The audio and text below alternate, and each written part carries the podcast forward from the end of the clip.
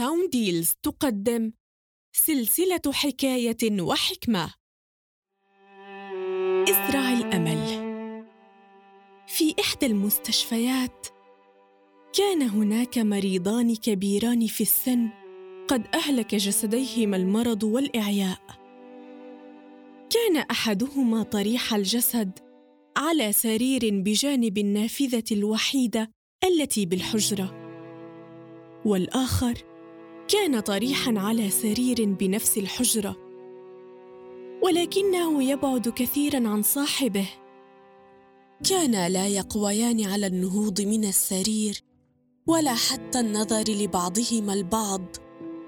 فكانا كل الوقت يقضيانه بالنظر للسقف الذي فوقهما دونا عن غيره حتى يستردا صحتهما من جديد. غير أن المريض الذي سريره بجوار النافذه مسموح له بساعة وحيدة بعد العصر يجلس فيها على سريره بدلا من النوم بخلاف صديقه الثاني. كان ذلك المريض يستغل هذه الساعة أحسن استغلال. فكان ينظر من النافذة ويحكي لصاحبه كل ما يرى وما يحدث في الخارج بالتفصيل.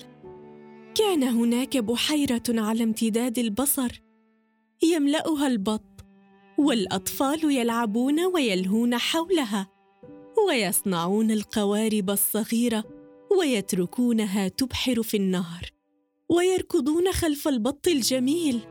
وهناك النساء تجرب مع أزواجهن على شاطئ النهر. وكان يصف له كيف كانت فرقة الموسيقى.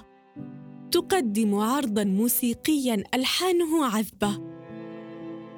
وعلى الرغم من أن صديقه لم يكن يسمع الموسيقى أو يرى ما يصف له صديقه إلا أنه كان يرسم صورة وصوتا في وحي خياله. كان الصديقان يتطلعان لساعة العصر ليستمتعا معا. صديق يصف المناظر وآخر يستمع بشوق لصديقه. وكم كانا يتشوقان للحظة شفائهما وخروجهما لرؤية هذه المناظر الخلابة.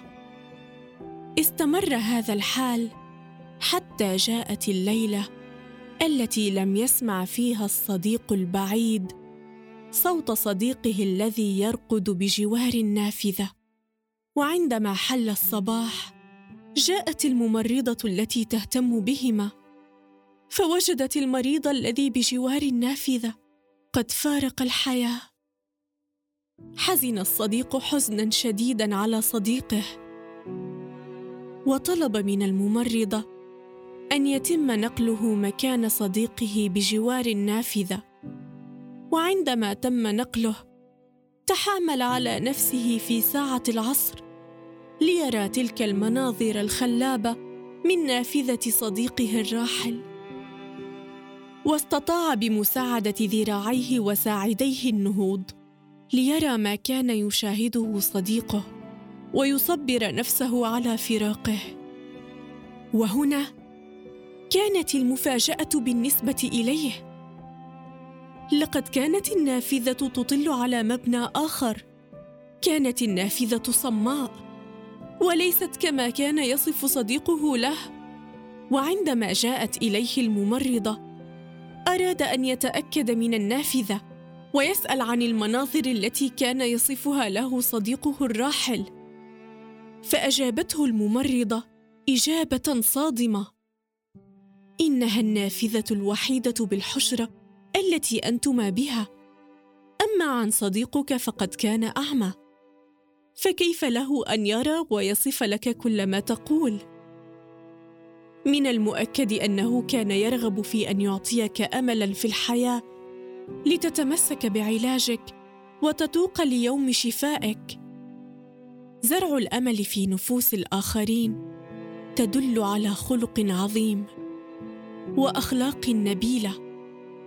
فاليأس يقتل صاحبه ويقتل من حوله. بخلاف الأمل الذي نزرعه في نفوس من حولنا ننقذ به ارواحا من الهلاك.